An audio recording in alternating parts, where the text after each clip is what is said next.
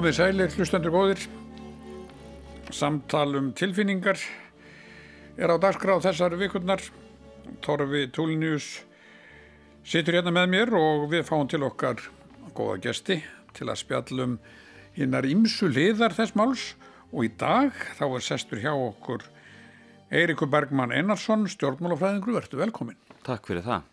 Eiríkur Bergman Einarsson lög meistaraprófi í alþjóðlegum stjórnmálum frá Kaupmannahafnarháskóla 1998 og doktorsprófi í stjórnmálafræði frá Háskóla Íslands 2009.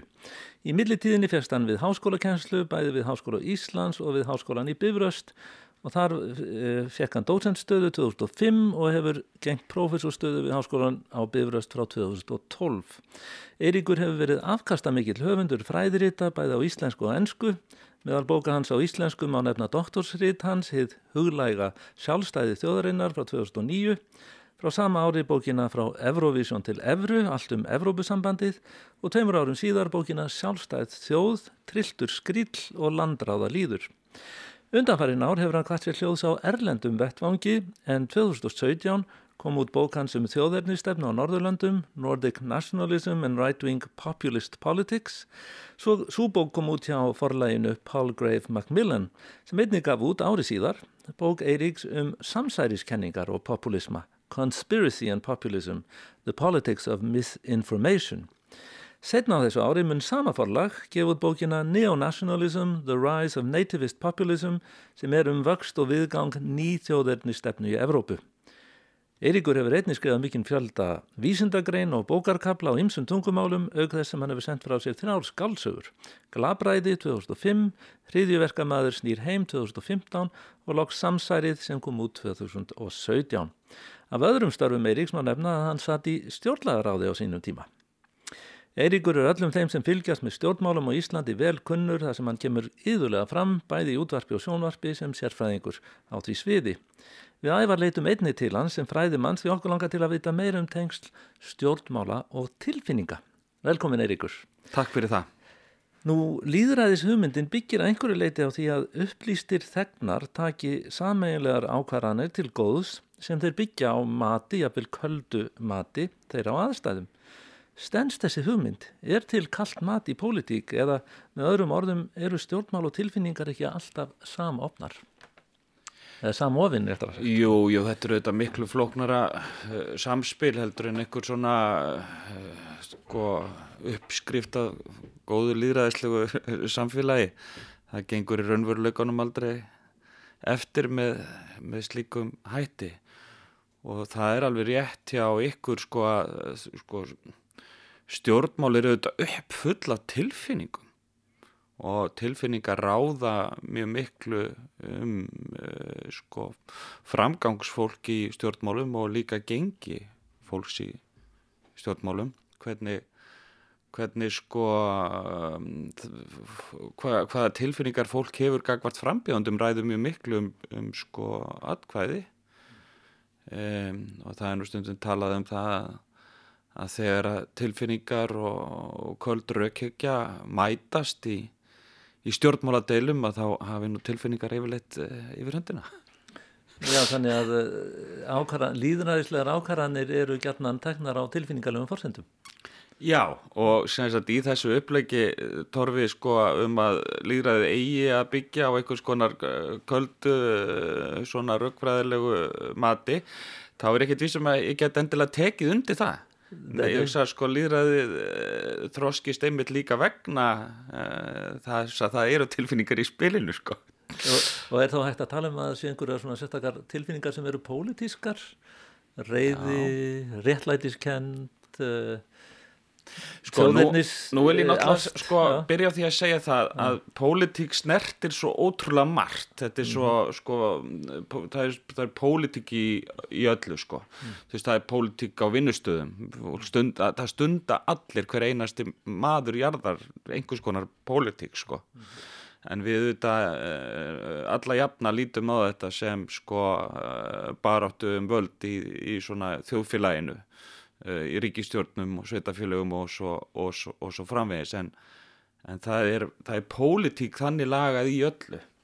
Það er að segja átökum völd og hagsmunni og, Já, og stöðu og stefnu. Mm -hmm. ég meina það er pólitík fólkin í því þegar að vinahópur kemur saman og ákveður hvort að þeir að fara eh, sko á barinni í bíó og síðan á hvaða myndi að fara og svo framvegis. Þarna kemur til sko uh, ákvarðan að taka sem fer eftir ákveðnum leikreglum og staða fólk sérna hópsræður tilfinningar uh, ráða og svo, og svo framvegis og allt er þetta Þannig ef Þetta er vinsæla pólitík. konan stingur upp á að fara á bar þá vil, all, vil allir fara á barinn en sem Já, og svo þarf hann kannski að, að sko, svo þarf kannski að fylgja sko einhvers konar málafylgja því. Mm. uh, og, og svo er oft kannski bara svo frekastir ræður. Og við þekkjum það líka í pólitíkinni Já, En svo er náttúrulega líka þessi þetta fyrirbæri að, að einhver pólitíkus sem uh, í, já, lýsir yfir háleitum markmiðum, setur fram stefnu og, og menn nikka og segja já þetta er nú góður maður, þetta við kjósum þennan mann. Og síðan gerist það bara nokkrum vikum síðar að hann byrjar að brjóta þetta allt saman niður, niður eða ganga á baka orða sinna. Og þá er eins og tilfinningarnar sé ekkit endilega sko, það sé ekkit samræmi endilega þarna í, menn feng, höfðu góða tilfinningu og það er erfitt að snúa við blaðinu og segja þetta er bara lottari. Já, svo er það náttúrulega annað sem að sko við þekkjum í gegnum tíðina að sem sagt uh, pólitísk afstæð og hvar fólk stendur í pólitík og þá hverjum það fylgir að það verður sem ríkur þráður í sjálfsmynd fólks. Jú, jú, og það var hér lengi vel, hefur reynda losnað um það á allra senustu árum svo litið en kannski segjum á 20. stöldinni að þá var það mjög ríkur þráður sem sé eh, í bara það á því sko hvar fólk var statt bara í heiminum sko þegar þú veist í sjálfsmynd sinni hvaða flokk það stöddi og þetta var bara svona eins og fylgja íþróttafélagi að, að einhverju leiti þú fættist inn í skilur sjálfstæðarflokkinni alþjóði bandalagi eða, eða, eða hvað sem er. Og þá fylgdur bara þeim að uh, máli sem að fóru fyrir þann flokk og þannig að það sé tilfinningarlega erfitt já, og kannski ómögulegt fyrir einhvern sem er fættur inn í þennan flokk og hefur stutt þennan flokk og, Og frá, ert- frá já. upphafið það er tilfinningarlega bara ómögulegt fyrir hann að fara að kjósa einhvern annan. Hann er tengdur þessum flokk tilfinningaböndum. Já, og uh, þessi maður sem þú nefnir ævar sem að hérna lýsir fram einhverri sko fe- fegurri framtíðasín sem hann síðan yfirleitt neyðist vegna raunveruleikans til þess að, að síkja það er yfirleitt þannig sem það gerir sko og þá bærast einhverja aðra tilfinningar. En þá gerist annar innra með okkur sem að, eða manninum sem fylgir sko, hérna, stjórnmálaflokki að málum er að við leitum alltaf að réttlætingu fyrir okkar sko mönnum. Því að, að sko maðurinn er flokkstýr. Við, við fylgjum flokkum. Bara frá öndverðu höfum við tilhert einhverjum flokki manna.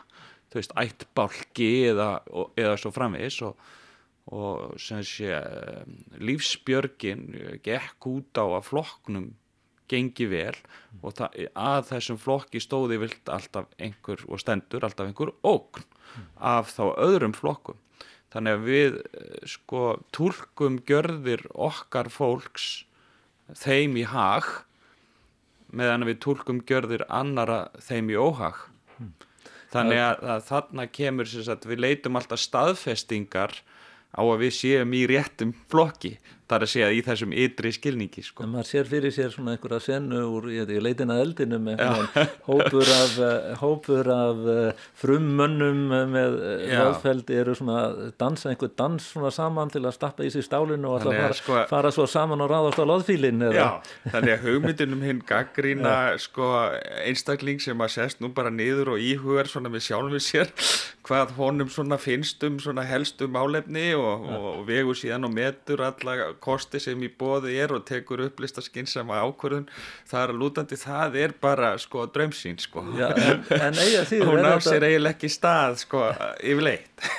Þannig að, já, þannig að, nei, að þessi, sko, þessi eiginleiki að vera flokkstýr gerir, þetta, gerir mögulegt þetta að finna réttlætingar. Það sé Já, að já, gerir mögulegt fyrir stjórnmálamanna í að Já. treysta á að flokkstýrin hans þau Já. hérna finna En svo hefur það verið að gerast á allra senstu árum að, sagt, við sjáum miklu minni flokks hotlustu heldur en áður var að það er að losna um þessa, já, já. Þessa, þessa tiltegnu flokkadrætu eða bara koma aðrir upp í staðin Já, aðrir hópar sem myndast Já, já. En tölum aðeins, ég er nú ekki alveg, vil ekki alveg segja skilið við skynnsemina Ok. þó ég sé að uh, við sem að gera þessa þættu um, um tilfinningar þá vil maður alltaf trúa á skynnsemina en þetta er kannski líðræðis hugmyndin eins og hún verður til á okkar dögum og kannski sérstaklega á nýjöld og sérstaklega kannski á upplýsingaöldinni byggir samt á þessari hugssjón eða sem þú segir kallar hugssín að Já. það sé hægt að taka einstaklingurinn Já. uh, einstaklingurinn í samfélaginu upplýstur einstaklingur tekur, legur greiðir aðkvæðið sitt eftir einhvers konar eftir að hafa uh, hugsað röglega um uh, málefni. En, en þú segir að í raun og veru virkar stjórnmálin ekki þannig nema kannski að takmörkuðu leiti Já, þetta er miklu flóknara samspil, samspil, það er rauninni bara það sem ég er að segja. Auðvitað kemur þessi skynsama raukhyggja við sögu, en ég hugsa sko að uh, hún, það sé ekki endilega það sem ráði því hvar við síðan stöndum. einmitt Já, ég man eftir í hruninu, við, við kannski talað um það á eftir hvernig hérna, allt tilfinningaflóðið sem átti sér stað í íslensku samfélagi þegar bankanir hrundu þarna 2008. Ég man eftir að hafa horta á einmitt þætti eða séð til stjórnmálahópa ým- ýmsum vangjum sko, stjórnmálana þar sem að einmitt fólk var kannski hafði kannski átt að segja á því að, að veruleikin var að grafa undan hugsunum þeirra og, og var samt að reyna að stappa í stálinu hvert í öðru sko í hóp og ég man eftir svona þáttum sérstaklega á INN hérna sjónastöðinni þar sem sjálfstæðismenn voru að tala saman og svona búa til svona svolítið hópefli til að halda í þær hugsunir sem frjálsíkju hugsunir sem höfðu kannski uh, lent svolítið á vegnum í, í hruninu. Þannig að þann, þann, þann, þannig þarna sáum maður einmitt svona tilfinningarnar í verki og, Jú, jú. og svona hóptilfinningu líka. Það er erfitt að standa frammi fyrir því að eitthvað sem að maður hefur uh, trúað á og fyllt eh, reynir síðan ekki það bjargræði sem að maður ætlar. Um, ég er nú ekkert vissum að sko frjálsíkjan sér slík hafi borið nokkuð skað af hruninu eh, þegar upp í staðið sko. Það er hérna eh, sko eh, því að svona hugmyndakerfi standa nú og áföllin oft aldrei vel af sér sko en við sjáum hins vegar náttúrulega þetta síðan verða svona risavaksin sko hrun hugmyndakerfa eins og bara þegar kommunismen í Austur-Európa rinur og þá ertu situr eftir eh, sko fjöldi fólks sem að hefur sko jafnvel litið á sem sé trúna á það stjórnmálakerfi sem bara mjög mikilvegan þátt í sjálfu sér í sinni sjálfsmynd og þá, þá verður þetta ákveðin upplaust sko Já, og tilfinningarlegt áfall. Og, Til, að, til, það er alvöru tilfinningalegt Já, áfall einmitt. sko ekkert, veiga minna, minna heldur en mörg önnur sko. Já, þetta er svona eins og ástasorg. já, já, að einhverju leiti þá má kannski bera það saman. En eru, eru menn kannski þeir sem lenda í því að, að, að, það, að, það, að þeir þeirra allt sem þeir trúða á það er hérna fallið og ónýtt? Sko er slíkt fólk er það ekki algjörlega, er það ekki rauninni bara í sjúkdóm, sko sjúklingsrullu í pólitíkinni, þar að segja geta menn, geta menn náð sér að þessu? Jú, jú, en svo oft finna menn önnur haldreipi eh, sem að þau veist koma, koma í staðinn. Og þá getur maður séð eh, sko alveg ævintrælegar umpólanir jafnvel Hérna- sem að eiga sér stað og, og gerast þá bara mjög auðveldlega að, sem að myndu undir venjulegum kringustæðum aldrei geta orðið sko. Ég, þú eru nú fjalla mikið um, um þessar ný hérna, þjóðerni stefnu í, Já. víða í Evrópu og, og hún er einhver sterk, eh, í Fraklandi þar sem ég þekki best til, er hún einhver sterk meðal verkalýstjættarinnar og sérstaklega á sæðum sem hafa vorið illa úti út af atvinnuleysi. Og þetta eru gætna þeir sem kusu kommunistaflokkin svona fyrir 1980 einmitt. 85 sem eru núna komnir yfir í þjóðirni stefnuna. Um, ný, eh, ný þjóðirni stefna grasserar í gömlu austur, eh, austurluta Þískalands er þetta eh, kannski ein, ein ástæðan fyrir því að þetta Já. Að þessi svona í raun og veru svona já, popul, hægri populísku reyfingar hafa Já. þeim eru vaksið ásmegin undanfarin, undanfarin áratugi. Þetta er alveg hárið, þetta er af, ein af þessum umpólunum sem við höfum séð þar sem að sko margir sem að trúðu á sem sé einhvers konar sósialist heimskerfi jöfnuð og svo framvegis uh, færa sig yfir á þjóðatispopulistana mm. sem í eðlisinu sko er útilokandi stjórnmálastefna, hún gengur út á sagt, einhvers konar lokun mm. og aðlissi og óta gagart einhverju óg sem að fælst í, í öðru fólki sem er jafnvel ekki betri stöðu sjálft heldur en, heldur en viðkomandi og þetta er auðvitað greiðilega mikil sko umpólun frá því sem að hafði einkent hugssjónir þess fólks áður og við höfum séð eh, fjölumarga úr svona þessum þessari hlið stjórnmálana hafa farið þarna yfir eitthvað skona hrygg mm. í stjórnmálum og það er mjög uh, áhugavert mm. einhvers konar, þú ert eiginlega komin yfir í geðleiknisvæði, er ekki? Nei, ekki endilega sko, þetta er eins og ég ætla að nefna að þetta er, þetta er svo ótrúlega flókin samspil og það er svo margt sem getur gerst það er líka það sem er svo erfitt að það er svona gengur í stjórnmálafræðingu svo illa að spá fyrir. Það er, það er út af því að breytunar eru svo, eru svo margvíslegar. Ja. En nú erum við að horfa upp á rótgróna líðræðist þjóð, kannski eina vöggum eh, vestræns líðræðis sem er bandaríkin. Er, það er ímislegt þar sem að hérna, eh, minnir á því að það ástand sem var að lýsa áðan sko, það er að segja áður flokkar sem að hérna, já, e, byggð á langri og mikili líðræðis hefð eru svona svolítið já, allavega viðkvæmir í höndum einhverja sem maður ætti kalla pólitískara lottara, það er að segja já. þeir sem að stunda líðsgrunn og já. eru að reyna að fá líðin til að fylgja sér kannski á, á reyngum forsendum, það til neikvæðra tilfinninga og, og já, kannski neikvæðara tilfinninga hjá auðtrúa fólki. Og sterkasta aflið í stjórnmálunum held ég það er ekki sko drömsýnin um hérna fögru veröld heldur óttin mm. það er langsterkasta tilfinningin og aflið sem ræður för. Og við höfum séð það núna undanföldnum já svona já, 50 árum í ákveðnum bylgjum þá hefur uh, stjórnmálamönnum sem að ala á óta sýrilagi gagvart einhvers konar um, oft ímyndaðar utanaðkomandi ógnar að uh, þeir hafa náð uh, tölverðu fylgi og sumuleiti bara hrætt fólk til fylgislags við sig mm. Og það er það sem að sko, þjóðatispopulismi okkar daga hefur verið svo öflugur við að gera. Mm og sumstaðar reynlega náð meiri hlutafyrki þar sem að stjórnmálamenn að þessum tóka hafa komist til valda.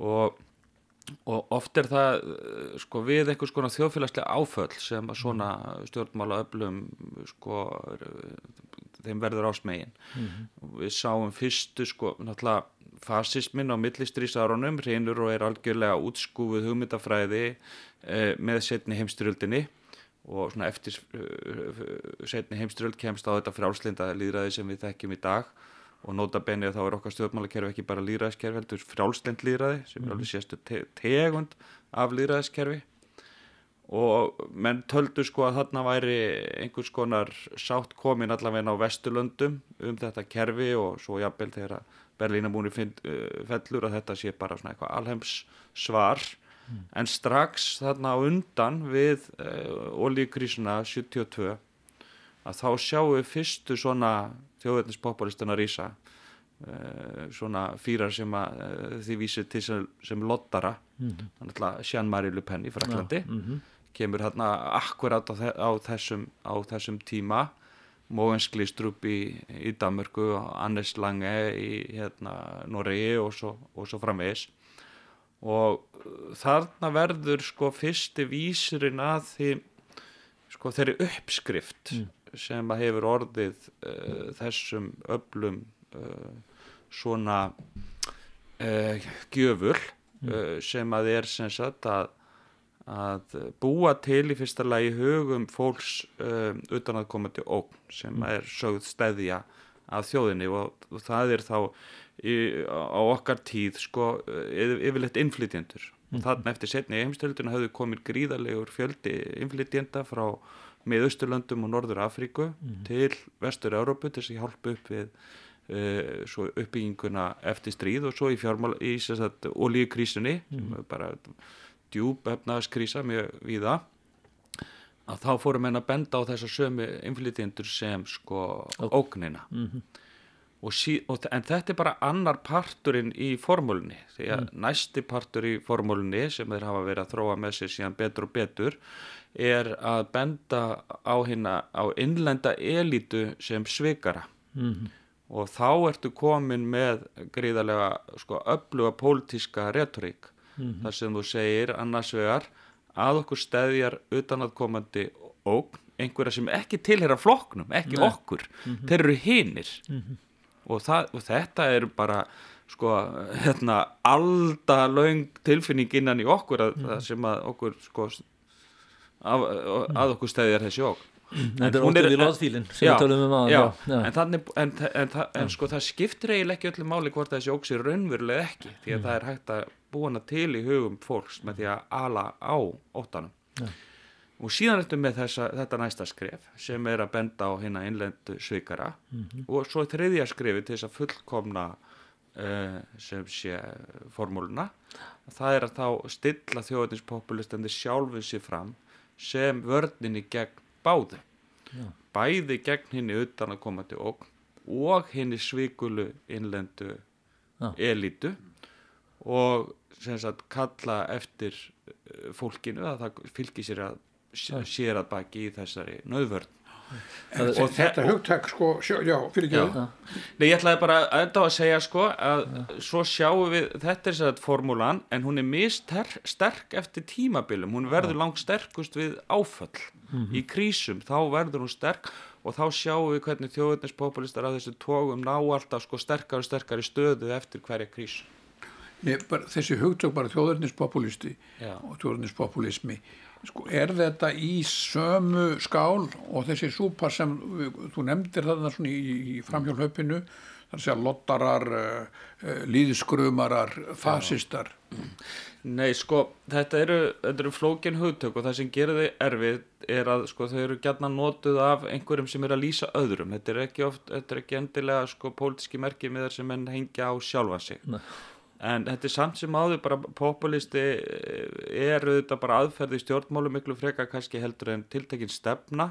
Því leitinu til sko frábröðu kapitalista, kommunista, þú veist, anarkista eða feminista eða græningi eða eitthvað slíkt sko.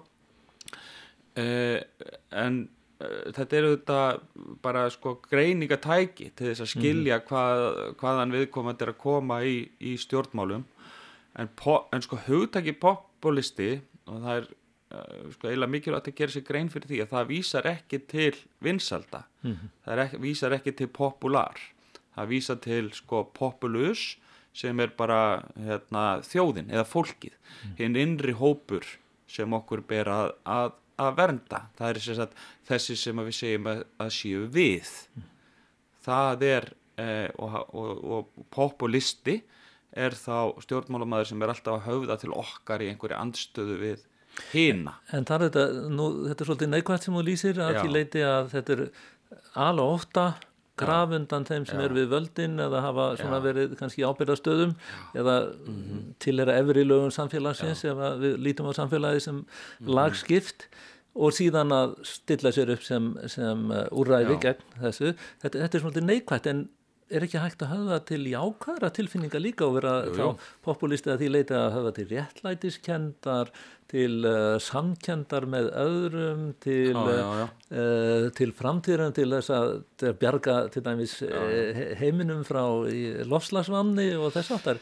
Er ekki hægt að vera höfða til tilfinninga á, jú. á, á, á þann hátt líka? En sko, um, hugtök þurfa að hafa einhverja merkingu og við þurfum Já. að geta sko umgengist þau þannig að þau stikta okkur leiði að skilja eitthvað og þetta hugtak er vissulega hugtak sem er notað til að, að, lýsa tegund af stjórnmálum sem er kannski ekki þessi jákvæða uppbyggilega sín sem að þú ert að, ert að, ert að lýsa. Hins vegar sko getur populismi við ákveðnar aðstæður verið í allavegna réttlætalegur jafnvel uh, gaglegur sko það kann alveg að vera um, bara reynd og beint útsagt skinsamlegt fyrir þá sem orðið hafa bara undir í mm. þjóðfélagsþróuninni og sem að hafa kannski bara einhvern veginn fallið milli skips og bryggju varðandi í þessu svona hátækni hraða þjóðfélagi og ekki náða að fóta sig í því að uh, sem sé uh, reyka bara sko hérna tein í tannhjólið til þess að tröfla bara gerfið Já. og þannig, þannig verður populismi bara einhverju svona uh, eðlilegri að, aðferði í andúð í, þjó, í þjóðfélagi. Þannig að, að fyrir suma kann það alveg að vera bara skynsaleg aðferð og árangusrík til þess að, að fá fólk til uh, fylgislags. Það eru dæmi um þetta í, í sögu Suður-Ameríku að, að þarna hafa populískir leittóðar eins og Perón eins og Eh, og, og, og víðar í Söður Amriku það er hægt að segja að Hugo Chávez hafi verið uh, þannig, hann gerðist talsmaður þeirra sem hafði orðið já, undir í samfélaginu og Chávez bara egnaðist hann að oljöauð uh, Venezuela og fór að dreifa því til, já, til, uh, hérna, til fólksins og byggði þarna upp emitt heilmikið velferðarkerfi og síðan var grafið undan því með Já. einhverjum hætti sem ég kann ekki alveg að skýra. En, en að mistkosti þetta var þannig að vera að hafa til réttlætiskendar hjá hennum undir okkuðu og ég veit ekki hvort að Sú hreyfing hafiði líka þessi enginni populisman sem þú talar um þar að segja að gaggríni á elituna og, og gera hana eh, tortryggilega. Jú, jú, hún gerir það en fyrst ja. sko kannski bara segja þetta það sem er svo, svo heillandi við þetta hugtakam ja. þess að populisti að leiðið og maður telur sig að hafa náða einhverju taki á því þá, þá, þá hleypur það í burtu ja. ég, ég lísti þessari sko þrýliða aðferð í form, formúlunni mm en stundum er það bara einfallega þannig að að, að okkur stæðjar utan að koma til okkur og að hinn innlenda elita sitti á sviggráðum um okkur og að sá sem er að benda á það getur verið heppilegu leiðtói til þess að berja skjá hverju takja þannig að stundum á, á þessi aðferð bara einfallega rétt á sér mm -hmm. Söður Ameríka og bara öll rómaska Ameríka hefur er, er alveg einstaklega áhugavert svæði fyrir uppgang populisma því að populismin má segja sko eða það má kannski orða það þannig að, að sko fasismin á milli stríða sem maður, maður sko setur í aðra kategóri heldur en populismin út af því að hann, hann sem sett var ansnúið líðræði mm. eh, sem að populistar eru vilt ekki í orði hvernu að eh, sagt, þá ferðast fasismin í runni til Söður Ameríku og umpólast yfir í einhvers konar uh, populisma auðvitað mm. fyrst með, með Perón hæra megin og svo sjáum við sko svona reyfingar uh, eh, uh, eh, mjög víða og, og náttúrulega Alberto Fujimori í, í, í, í Peru og sé bara herfóringjar eins og Pinochet á hérna í Tíle hættan er sko sá að þessir uh, þessir populistar sem koma til valda á því að reyna að Að, að verja einhverja innri sko nánast heilaga þjóð sko að um, um, þá er oft sömu aðferði nota til þess að afnema líðræði og svo framvegis mm. og Hugo Chávez gerir mm. þetta sama vinstramegin í hérna uh, í Venezuela og tekur mm. þetta auðuga ríki mm. bara leggur það eh, reynlega í, í rúsko mm. og svo kemur Maduro í kjölfarið og, og þeir, þeir og þeir ganga svo langt að þeir sagt, bara taka öll völd frá þinginu og setja sér degið stjórnlega þing sko, mm -hmm.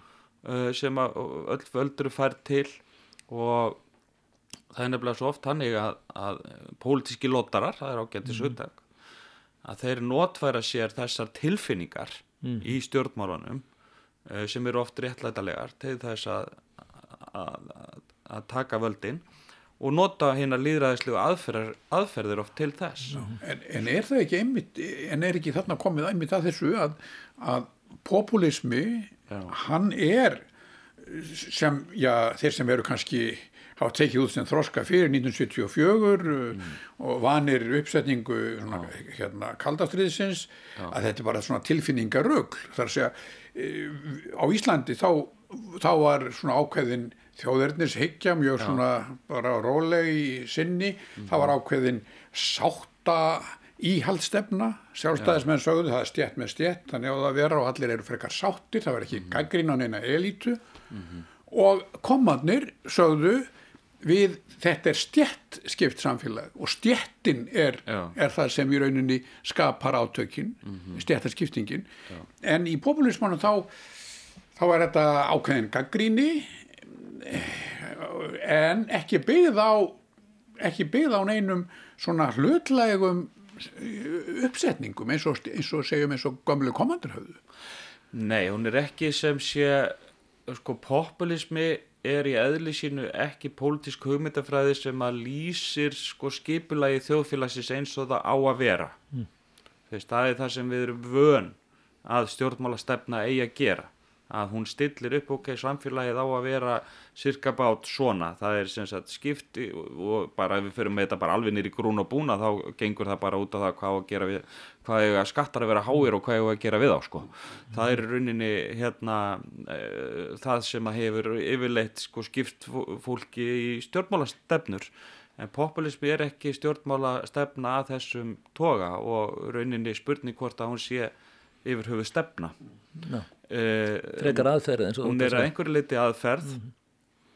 og, en hún gerir all, sko fyrir utan að vera aðferð að þá gerir hún alltaf samt að sama sem er að höfða til þess innri hóp sem er í eðlisínu góður uh, sem ber að venda og svo hinna sem er í eðlisínu vondur og er okkur utanakomandi og okkur stæðjar ógnagt það, það, er, það er það sem populismi gerir þannig í grunninn að ef, ef að eh, sko, viðkomandi stjórnmálafl gerir ekki þetta þá er, er það stjórnmálafl ekki populist í mínum huga Þannig að þetta er svolítið svona áhugaverð bland af annars vegar jákæðri tilfinningur sem að, ég kalla Já. jákæði sem er samkend Já. Já, og hins vegar neikvæðri tilfinningur sem er ótti.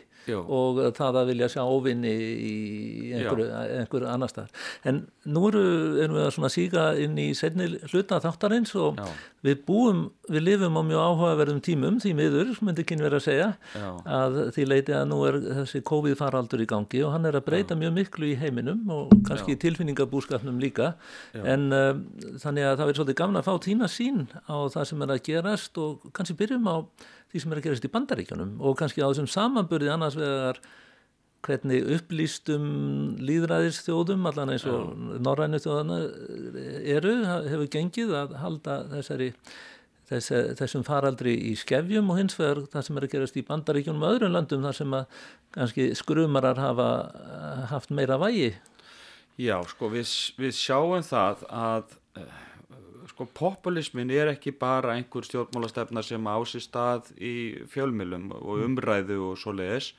heldur hefur uh, populismin áhrif þegar til kastana kemur.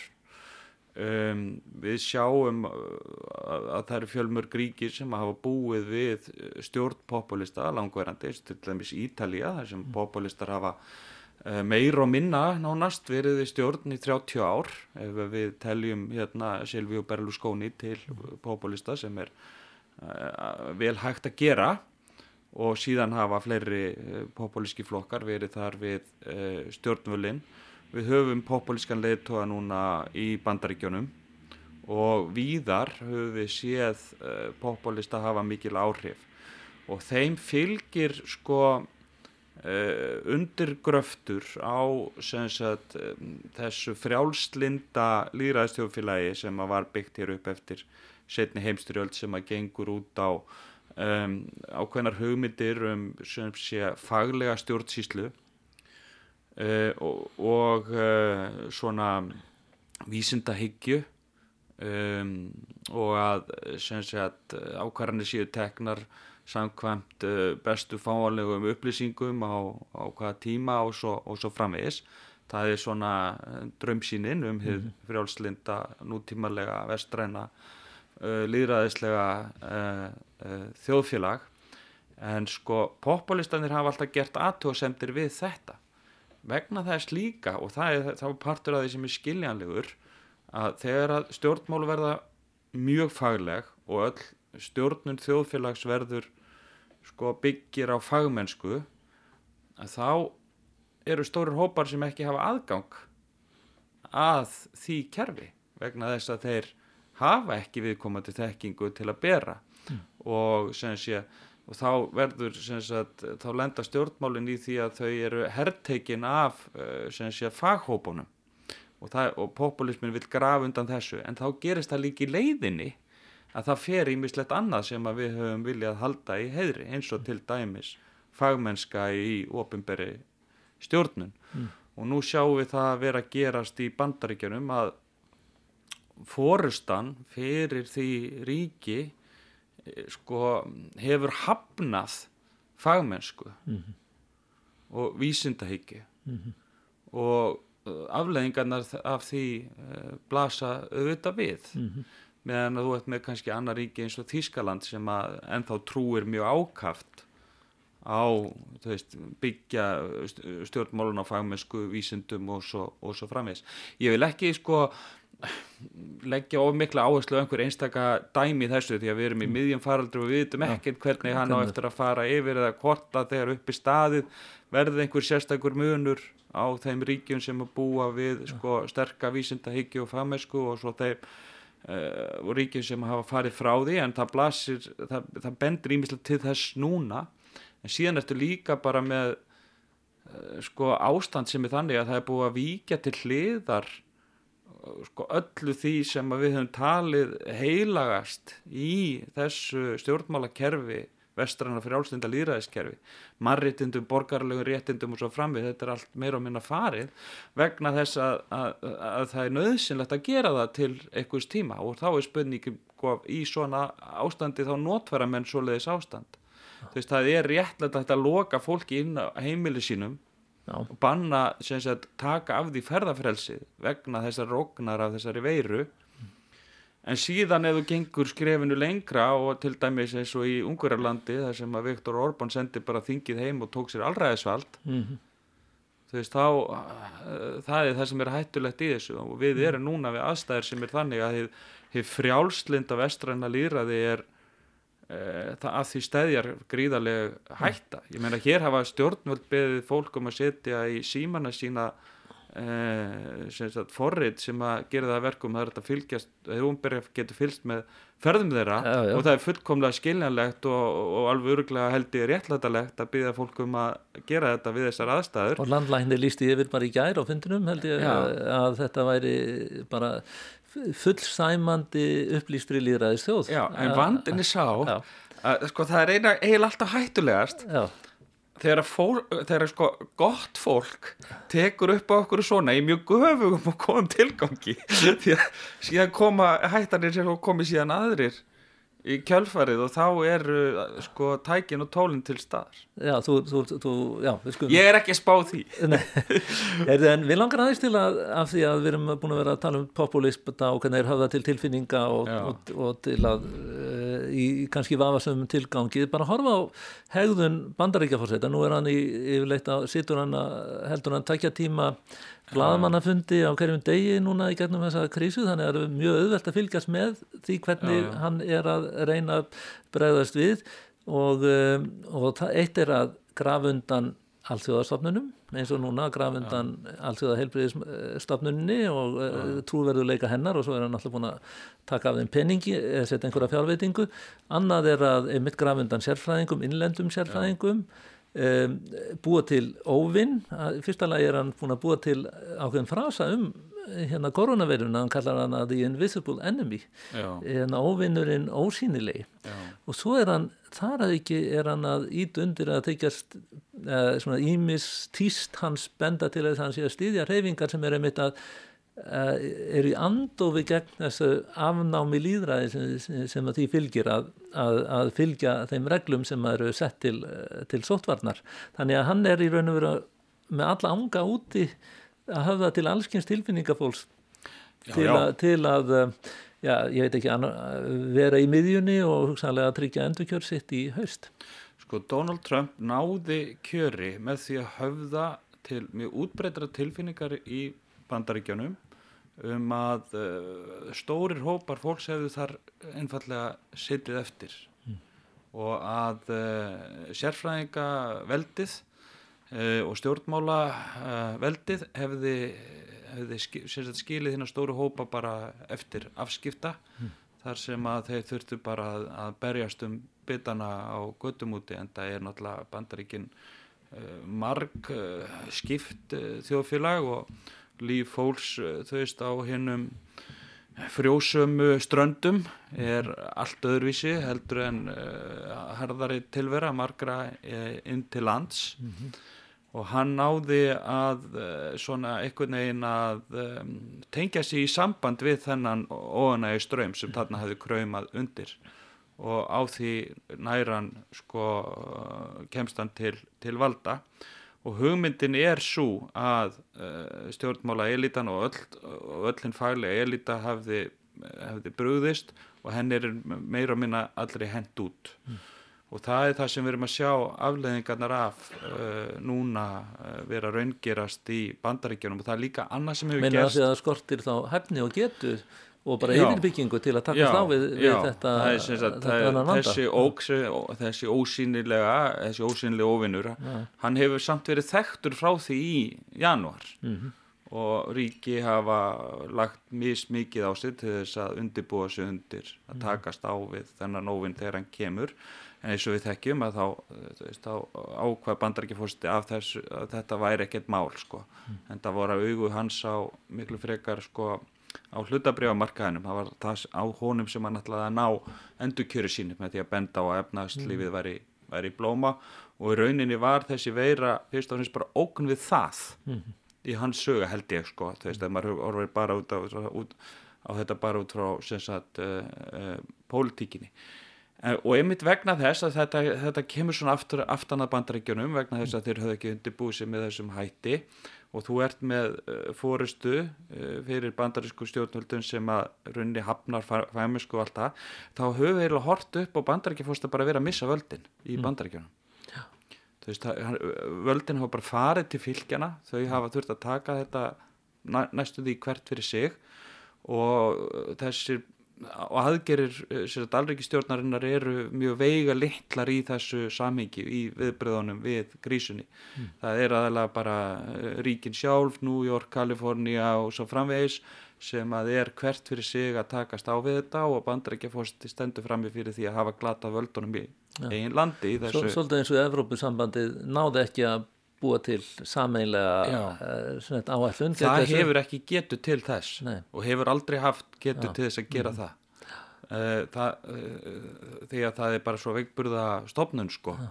að hún hefur ekki, hefur ekki þá getur en það er annað sem er að gerast líka og sem er mjög áhugavert í þessu öllu saman að hann náttúrulega bara átt að Trump skengur núna út á það að stilla bandaríkjónum upp eitthvað neginn á móti Kína þarna séu Já. tveir kampar og, og þeir verði helst að vera berjast til þess að þetta eh, sagt, eh, já, til þess að hans skilabóð heima fyrir virki og það er mikilvægt uh, virðist vera að búa til einhvers konar óvinn úr Kína. En það er aftur líka mjög merkilegt að allt í einu séu sko fórstríki hins hins fyrir álslinda vestranna líðræðiskerfi mm farin að bera sér saman við sko allræðisríkið Kína.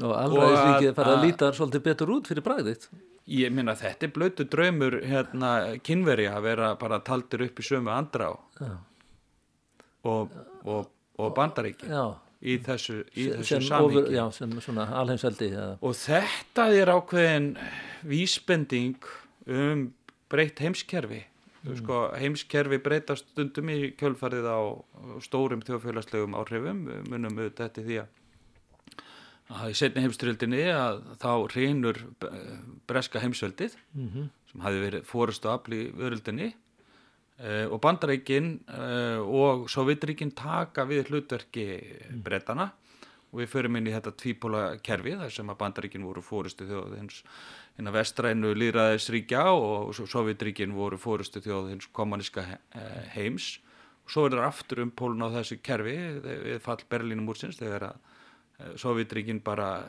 rinja saman mm.